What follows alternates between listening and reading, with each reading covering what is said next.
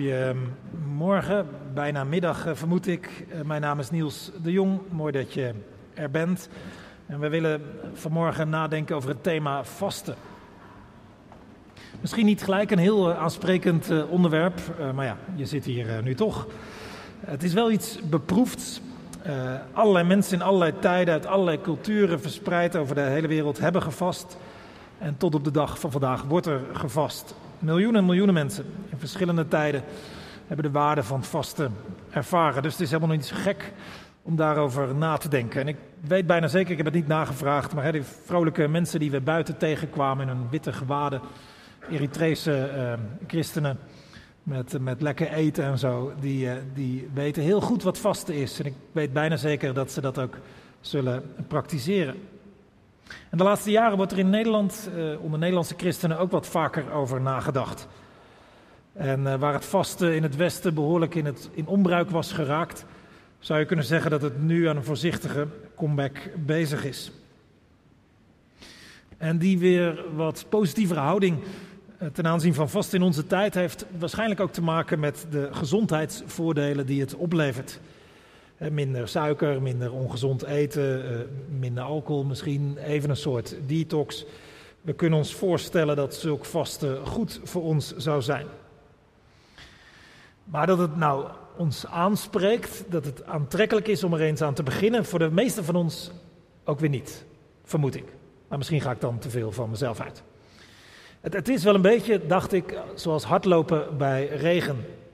Het zou goed zijn om gewoon te gaan, maar zin heb je er niet in. Maar als je het dan gedaan hebt, ben je wel blij mee en voel je er beter door. Denk ik dan, want ik blijf lekker binnen bij regen. Sowieso hardlopen, hè, voor doodlopers en zo. Maar zo is het wel een beetje denk, ten aanzien van vasten. We weten dat het goed voor ons zou kunnen zijn, maar dat we er zin in hebben. hmm. Al weten we dat we achteraf waarschijnlijk blij zullen zijn als we eh, dat gedaan hebben. Nou, waar wij een beetje overtuigd moeten worden van nut en noodzaak van vasten, daar lag dat in vroege tijden precies andersom. Daar was de vraag niet waarom zou je vasten? En bijvoorbeeld in de tijd van Jezus is de vraag veel eerder waarom zou je niet vasten? En omdat Jezus en zijn leerlingen niet vasten, krijgen ze die vraag ook.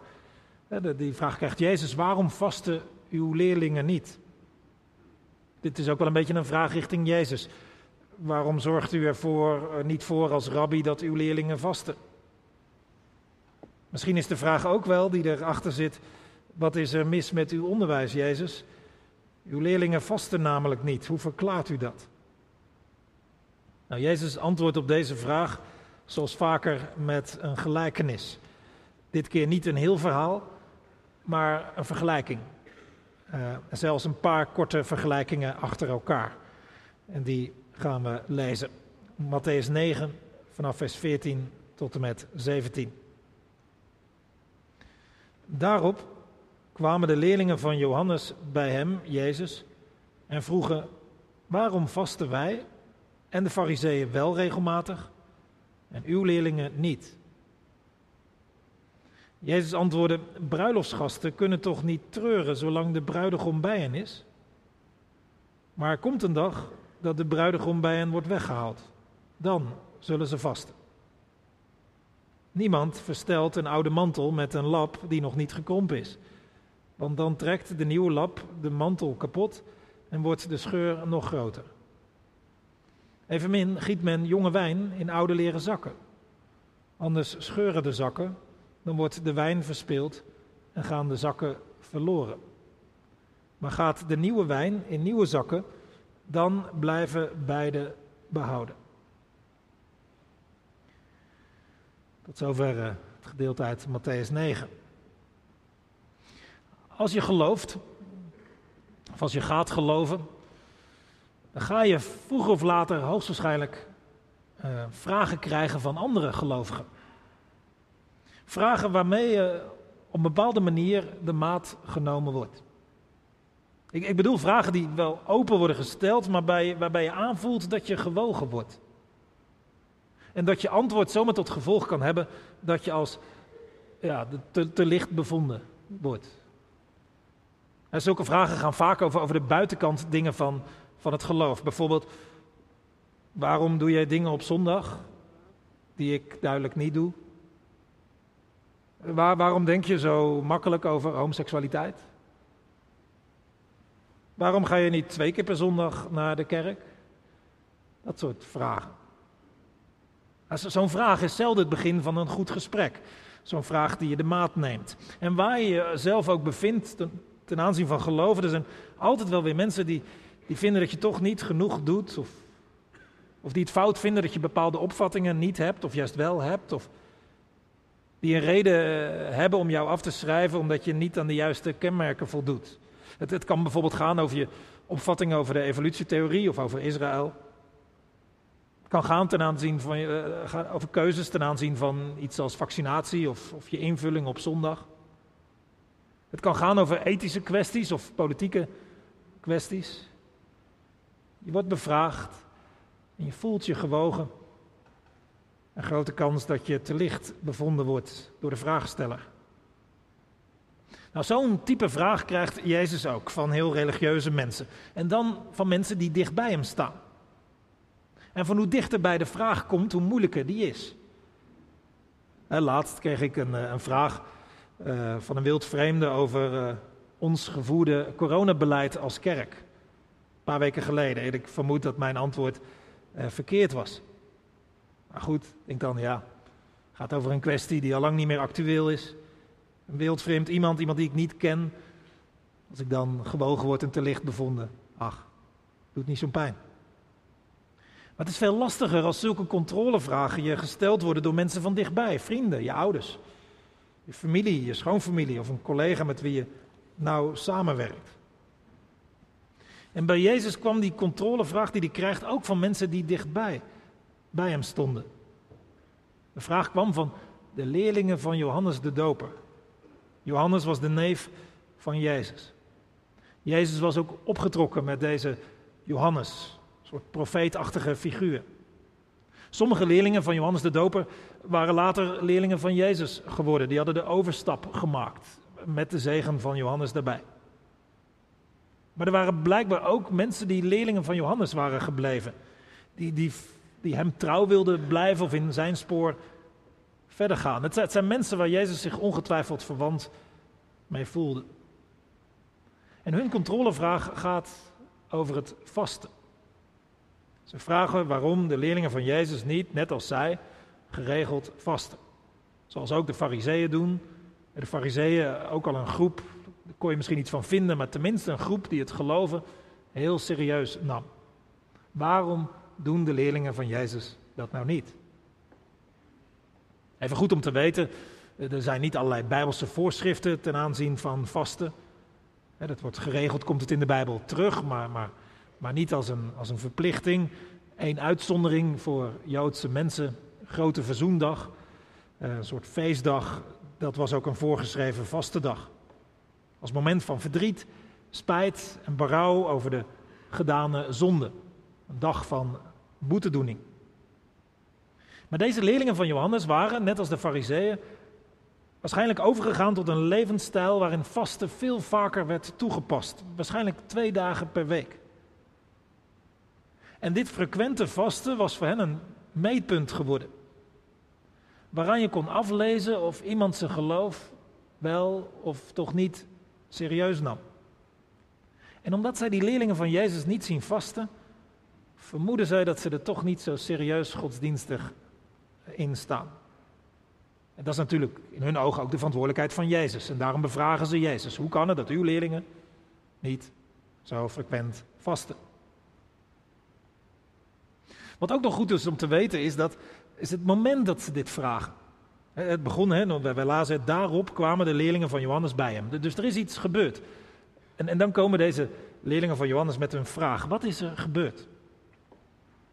Nou, ze vragen het op een moment dat Jezus vlak daarvoor ook al zo'n kritische vraag had gehad van die genoemde fariseeën. Jezus was namelijk aan het eten met mensen die bekend stonden als tollenaars en zondaars. Overduidelijk mensen dus die in religieus opzicht enorm gefaald hadden. En die, die sowieso als bijzonder slecht te boek stonden. Maar Jezus bereikt hen, raakt hen, betrekt deze mensen erbij, spreekt met hen over God en geloof. En, dat is heel bijzonder natuurlijk, zou je kunnen zeggen. Bij deze mensen is echt winst te behalen uh, in godsdienstig opzicht. Als, als die toch er ook bij zouden gehaald kunnen worden en, veranderd zouden kunnen worden. En wonderlijk dat het lukt, dat Jezus lukt om deze mensen erbij te betrekken, maar Jezus krijgt daar geen applaus voor, maar wel vragen over. Die fariseeën stellen die vraag aan de leerlingen van Jezus, waarom eet jullie meester met zulke slechte mensen? Want voor hen was het een bijzonder slecht teken dat Jezus met zulke mensen omging. In hun visie word je namelijk besmet waarmee je omgaat. Die vraag was natuurlijk eigenlijk aan Jezus gericht. En Jezus geeft dan ook antwoord voor zijn leerlingen. En hij vertelt die fariseeën dat hij juist voor deze mensen is gekomen. Mensen die het verknald hebben. En dat hij niet zozeer is gekomen voor mensen als die fariseeën die, die, die, die zo godsdienstig zijn en die, die, die zo denken dat ze hun leven helemaal keurig op orde hebben. En hij zegt erachteraan, het gaat om barmhartigheid. En niet om offers. Oftewel, het gaat niet om godsdienstige zuiverheid, maar om een warm hart. Die, die, die, offers, dat, dat, dat is een hulpmiddel. Geen doel in zichzelf. Het gaat om de band met God en je medemensen en dat begint met je hart. Als het goed is, een warm hart. En op dat moment, daarop, als dat net allemaal achter de rug is, dat, dat gesprek of die discussie, dan opeens zijn daar die leerlingen van Jezus en die hebben dan ook nog wel een vraag. Ook een religieuze controlevraag. Waarom vasten de leerlingen van Jezus eigenlijk niet? Want of Jezus en zijn leerlingen nu wel of niet kloppen, is voor hen blijkbaar niet per se af te meten aan wie, met wie Jezus omgaat, maar voor hen is dat af te meten aan de praktijk van het vasten. Nou Jezus schiet niet in de verdediging. Zo van, ah, goed punt, zal ik ook eens opletten. Jezus probeert ook niet een mooi verhaal ervan te maken om de goedkeuring van de vraagstellers te krijgen. Zo van, nou ja, vasten niet echt, maar ja, wat wij dan wel weer doen. Of. Om zo zijn vraagstellers wat, wat gerust te stellen, dat, ze dat, dat, dat hij en zijn leerlingen het geloof toch echt wel serieus nemen. Nee. Jezus gaat ook niet mee in die fuik van religie, zo noem ik hem maar even. De fuik van religie die wil meten en vergelijken. Om via die vergelijking zichzelf waarschijnlijk ook goed te praten.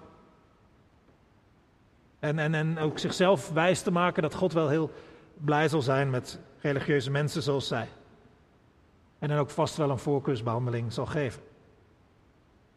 Daar gaat Jezus ook niet in mee. Hij, gaat, hij doet niet mee met dat meten en vergelijken. Jezus wordt ook niet, gaat ook niet in de aanval, zo van nou, ik weet ook nog wel iets over jullie. Nee. Jezus wordt ook niet kwaad op hem. Hij zegt van nou, je bent een leerling van Johannes de Doper. Die heeft toch duidelijk gezegd dat ik zou komen? En... Nee, allemaal niet. Jezus doet het heel anders. Hij pakt die vraag naar het vaste op. En net als bij die vraag van de fariseeën maakt Jezus van de gelegenheid gebruik om iets heel belangrijks door te geven, iets, iets groters. Wat, wat, wat, wil hij duidelijk maken nou? Dat er met zijn komst, dat er echt iets heel anders is geworden.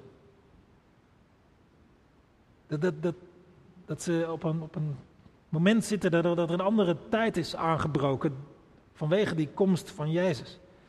Dat die leerlingen van Johannes dat blijkbaar gemist hebben. Dat er iets nieuws is begonnen, een nieuw tijdperk. En dat is iets vreugdevols. En Jezus gebruikt dan het beeld van een bruiloft. Hij is als de bruidegom. En toen de tijd, als de bruidegom gekomen was, dan kon het feest beginnen. En Jezus zegt, ja, als dat zo is, als, als ik de bruidegom ben, als het feest begonnen is, als mijn leerlingen daar dus iets van begrepen hebben en er dus blij zijn met, met dat ik gekomen ben en wie ik ben en wat ik zeg, dan is het nu toch niet gepast om te vasten. Vasten heeft te maken met, met boete doen en met, met verdriet over wat er misging, over berouw hebben. En dat is, daar is het nu even niet de tijd voor, zegt Jezus. Het is nu de tijd om blij te zijn. God dank. God is iets nieuws begonnen. In en via Jezus. Jezus gebruikt daarna nog twee beelden om duidelijk te maken dat er echt iets veranderd is, echt iets nieuws is begonnen. En dat je dat nieuwe niet op het oude moet plakken. want als je dat doet, zoals een nieuwe lap stof op een oude mantel, dan, dan maak je het oude alleen maar stuk. En dat je het nieuwe ook niet in het oude moet proberen zien in te passen. Zoals jonge wijn en oude zakken. Want dan gaat gaat gaat de nieuwe wijn ook verloren en de oude zak kapot. Nou, voor, ons is het niet zo'n gekke boodschap hè, dat, dat nieuw niet helemaal meer past bij oud. Dat snappen wij. Nieuw klinkt bij ons ook in de oren als iets, iets goeds, iets, iets positiefs. En het idee dat Jezus iets nieuws was begonnen ten opzichte van de tijd daarvoor, van het Jodendom, dat vinden wij ook allemaal niet zo moeilijk om te begrijpen of schokkend. Maar toen lag dat allemaal helemaal anders. Oud was beter dan nieuw in die tijd. En voor de lezers van Matthäus, veelal Joodse mensen, was het ook moeilijk te begrijpen dat God nieuw iets was begonnen ten opzichte van wat zij kenden. En die mensen met een Joodse achtergrond probeerden Jezus te laten passen in de godsdienst zoals ze dat kenden. Maar Jezus paste niet in een hokje, niet in hun kaders en sloot niet naadloos aan bij hun manieren van doen. En dat is ook wat Jezus duidelijk wil maken. Het, het oude was niet zozeer verkeerd geweest, maar het was wel voorbij. God was verder gegaan. Met hem iets nieuws begon, iets anders. En die fariseeën en die leerlingen van Johannes proberen dan met hun vragen Jezus weer toch weer in hun systeem te krijgen. In hun manieren van doen, in hun denkwijze, in hun hokjes, in hun kaders. Maar dat weigert Jezus. Daar past hij voor. Want daar past hij gewoonweg niet in. Jezus wil verder. Want er is iets nieuws begonnen. En daarmee claimt Jezus natuurlijk wel heel veel. Zoals bijna, Jezus bijna altijd heel veel claimt. Hij stelt zo, en dan moet je je voorstellen, een Joodse man van ergens begin 30 zegt met mij is een heel nieuw tijdperk aangebroken. Vanwege mijn komst, vanwege wat ik zeg en doe en ga doen, is alles anders geworden. Een nieuwe tijd aangebroken. En daar past niet meer bij die oude manier van vasten. En dan komen we weer bij het punt waar het allemaal mee begonnen was, het vasten. Jezus wil niet zeggen dat, alles van het oude, de dingen van vroeger, dat die dingen geen waarde meer hebben. Dat je er zo snel mogelijk van af moet. Integendeel. Sommige van die dingen kunnen heel waardevol zijn, maar ze moeten wel weer hun juiste plek krijgen. En zo is dat vasten toch niet voorbij, want het kan nog steeds iets goeds zijn. Jezus zegt straks, als de bruidegom weer weg is, als ik weg ben, dan is het weer tijd om te vasten. Maar, maar, maar, maar niet meer zoals als, als vroeger wel gebruikt werd. Niet als religieus checkmiddel waarmee je jezelf met anderen kunt vergelijken. Ook niet als een soort koud ritueel waarin het hart uit was. Ook niet als een soort verplichting voor de meer serieuze gelovigen. Dat allemaal niet. Maar het is geen goed idee om het maar helemaal af te schaffen, omdat het ook verkeerd gebruikt is. Nee, het is de bedoeling om dat vasten goed in te zetten. Nu, nu even niet, zegt Jezus, want het feest is net begonnen. Maar, maar straks weer wel, als het weer wachten wordt op de bruidegom. Op hem. dus in de, in de tijd tussen Jezus' eerste komst en, en Jezus' terugkomst, is een soort tussentijd. Dus ook onze tijd valt daarin. En in die tijd, zegt Jezus, is het gepast om te vasten. Jezus geeft dan geen nieuwe regels, geen verplichtingen. Geen... Hij zegt meerdere keren: het is wel iets goeds. Het is een prachtig hulpmiddel. Waarom dan? Omdat het nog steeds waar is dat je door je iets te ontzeggen, je meer focus kunt krijgen op wat belangrijk is. Dat, dat is het hele idee van vasten. En dat is nog steeds belangrijk, ook binnen het christelijk geloof. Je ontzegt je iets om meer aandacht te hebben op wat werkelijk belangrijk is. En wat is het belangrijke dan waarop gefocust moet worden? Op die bruidegom. Op Jezus dus.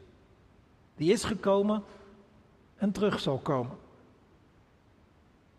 En daarom dat bijvoorbeeld in de christelijke traditie vooral voorafgaand aan kerst en voorafgaand aan Pasen, werd gevast. De twee centrale feesten in het christelijk geloof.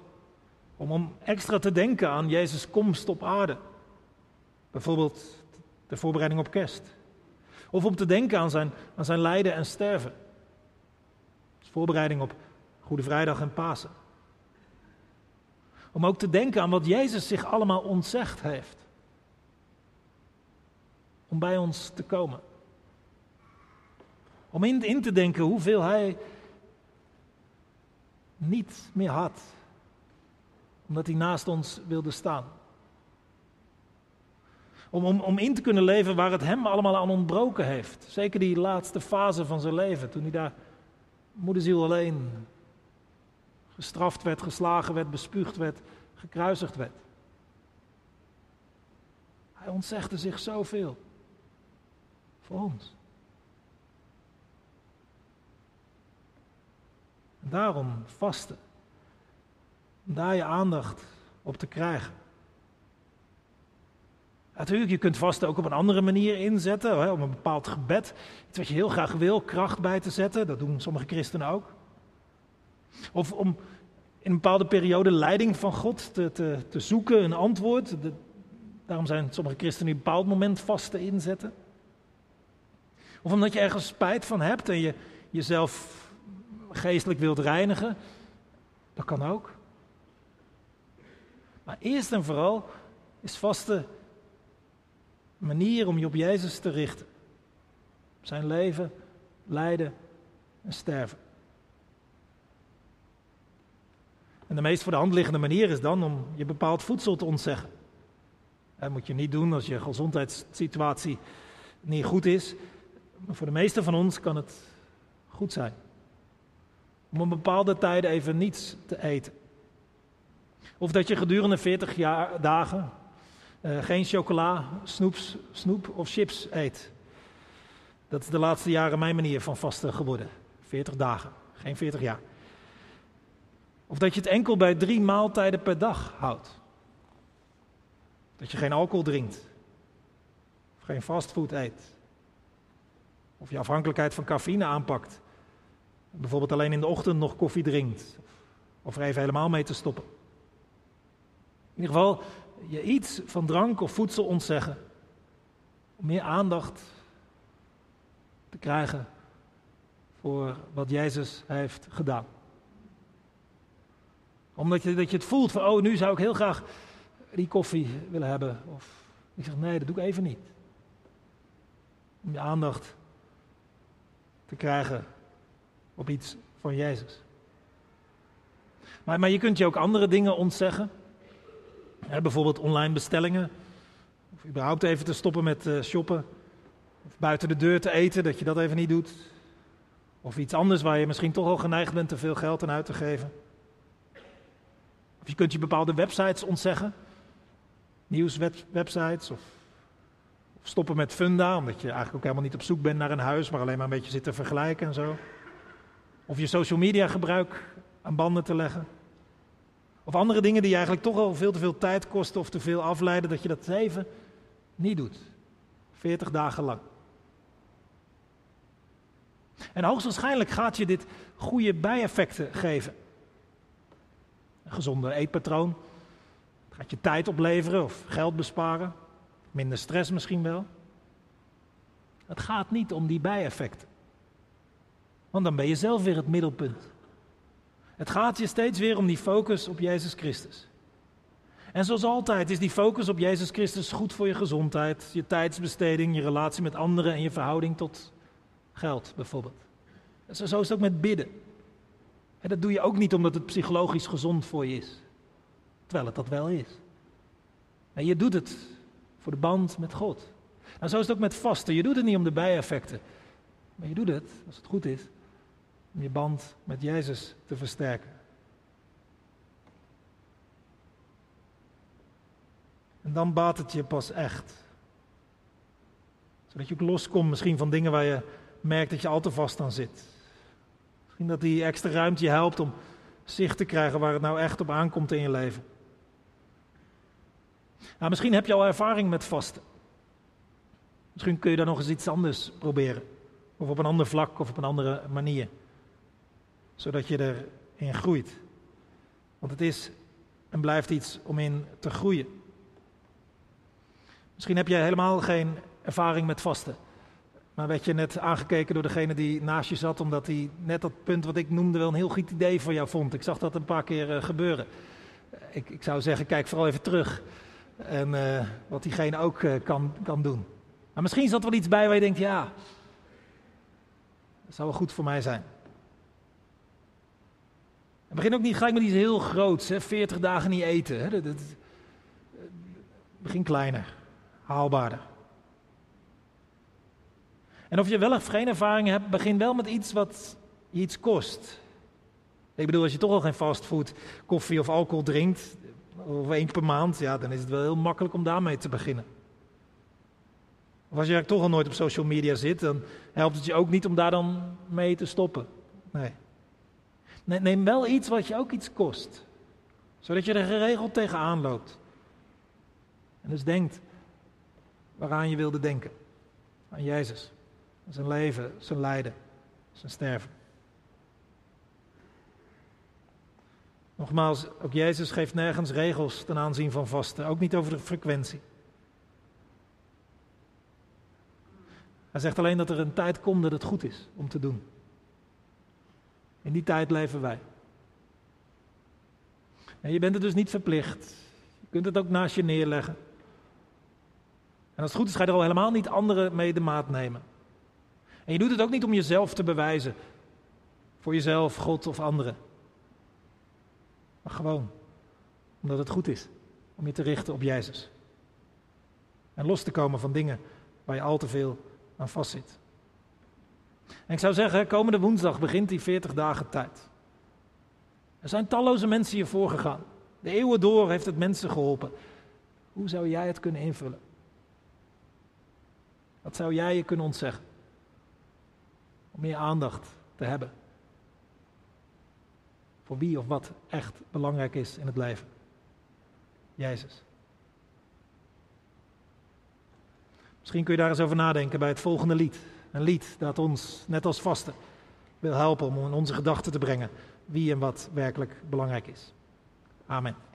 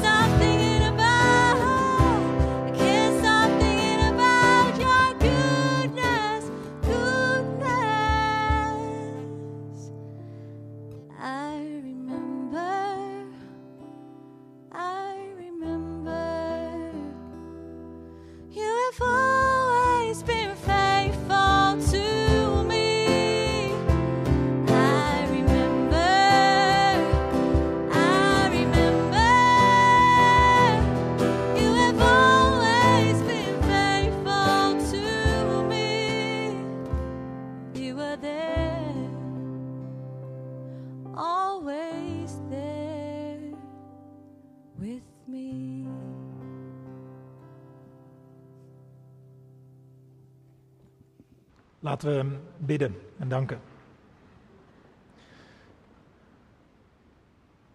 Heere God, wij danken u dat u eh, middelen geeft om ook dichter bij, eh, bij u en uw Zoon Jezus Christus te komen.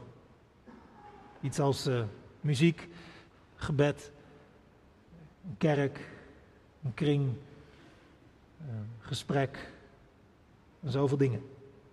Maar ook iets als vasten. En we danken u dat we daar eh, in alle rust over na konden denken vandaag. Misschien is het een eh, bekend iets voor ons, misschien eh, iets nieuws. Wil u bidden of u ons wil helpen om het eens een kans te geven. En eh, op een bepaald vlak zo het in te zetten. Om meer aan u te denken. Naar wat Jezus Christus heeft gedaan, ook voor ons. Hoe hij zich van alles ontzegd heeft, uit liefde voor ons. Om ons te bereiken. Om ons richting te geven, een doel, vergeving, toekomst. Dat u ons daarbij helpen. En dat we iets vinden wat, wat voor ons werkt. En zodat we deze periode voorafgaand aan Pasen ons, eh, onze aandacht krijgen op wat werkelijk van belang is. Wij danken u dat we niet de eerste zijn die dat een beetje hoeven uit te zoeken, dat er zoveel ons zijn voorgegaan en verspreid over de wereld, zoveel ook deze dingen in praktijk brengen. Geef dat wij daar eh, ons voordeel mee kunnen en zullen doen. Wij willen u eh, bidden voor de eh, Koptische kerk die vandaag een, de Eritrees Koptische kerk die vandaag een feestdag had. ehm, van mensen uit, allerlei delen van Nederland hier gekomen om dat te vieren. Wilt u hen zegenen? En dat ook in de lastige situatie waar hun thuisland zich bevindt, wilt u hen zegenen. En eh, bemoedigen en kracht geven. En dat ze dicht bij u mogen, mogen leven. Zo bidden wij u voor eh, uw kerk, eh, waar dan ook, ook die volgelingen van u die het heel zwaar hebben, die, die, die vervolgd worden, verdrukt. Wilt u hen vrijheid geven? Wij willen u bidden voor de, voor de kerk in Syrië en Turkije. Of we hen wegen willen laten doen vinden om, om te helpen, om, eh, om het goede te doen. En eh, zo, eh, zo bidden wij u. Ook voor onszelf in het leven van alle dag, waar we straks morgen ook weer ingaan. Wilt u zo met ons meegaan? De plek waar we, waar we zijn, waar we komen, waar we mensen ontmoeten. Wilt u ons zegenen en ons helpen om ook het goede te doen en te zeggen in deze tijd. Dat we anderen recht doen, dat we u recht doen, dat we het leven recht doen. Zo komen we ook in de stilte eh, bij u om ook iets te zeggen of te vragen of te danken. Iets wat een ander niet voor ons eh, doen kan.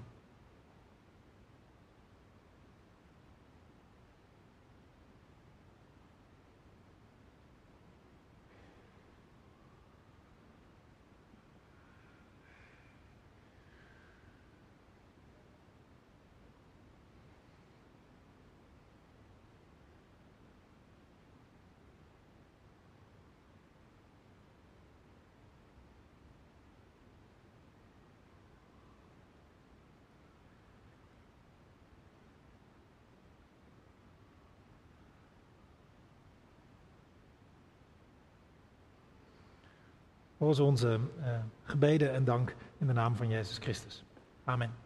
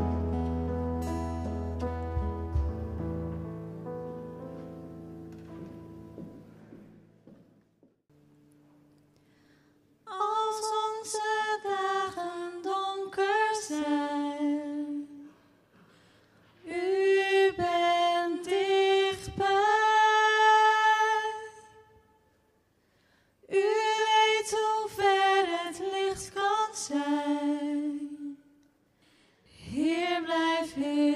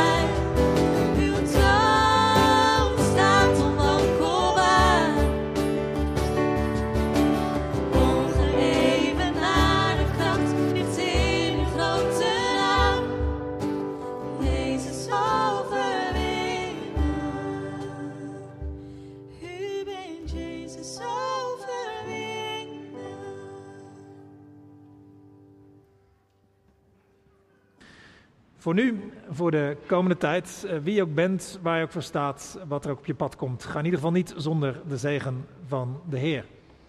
De Heer zij voor je om je de weg te wijzen, ook in deze 40 dagen tijd. De Heer is naast je om met je mee te gaan, van stap tot stap. Hij is onder je om je op te vangen als je struikelt. Rondom je om je te beschermen tegen de boze. En boven je om je te zegenen. En zo zegenen de Heer vandaag, morgen en voor altijd. Amen.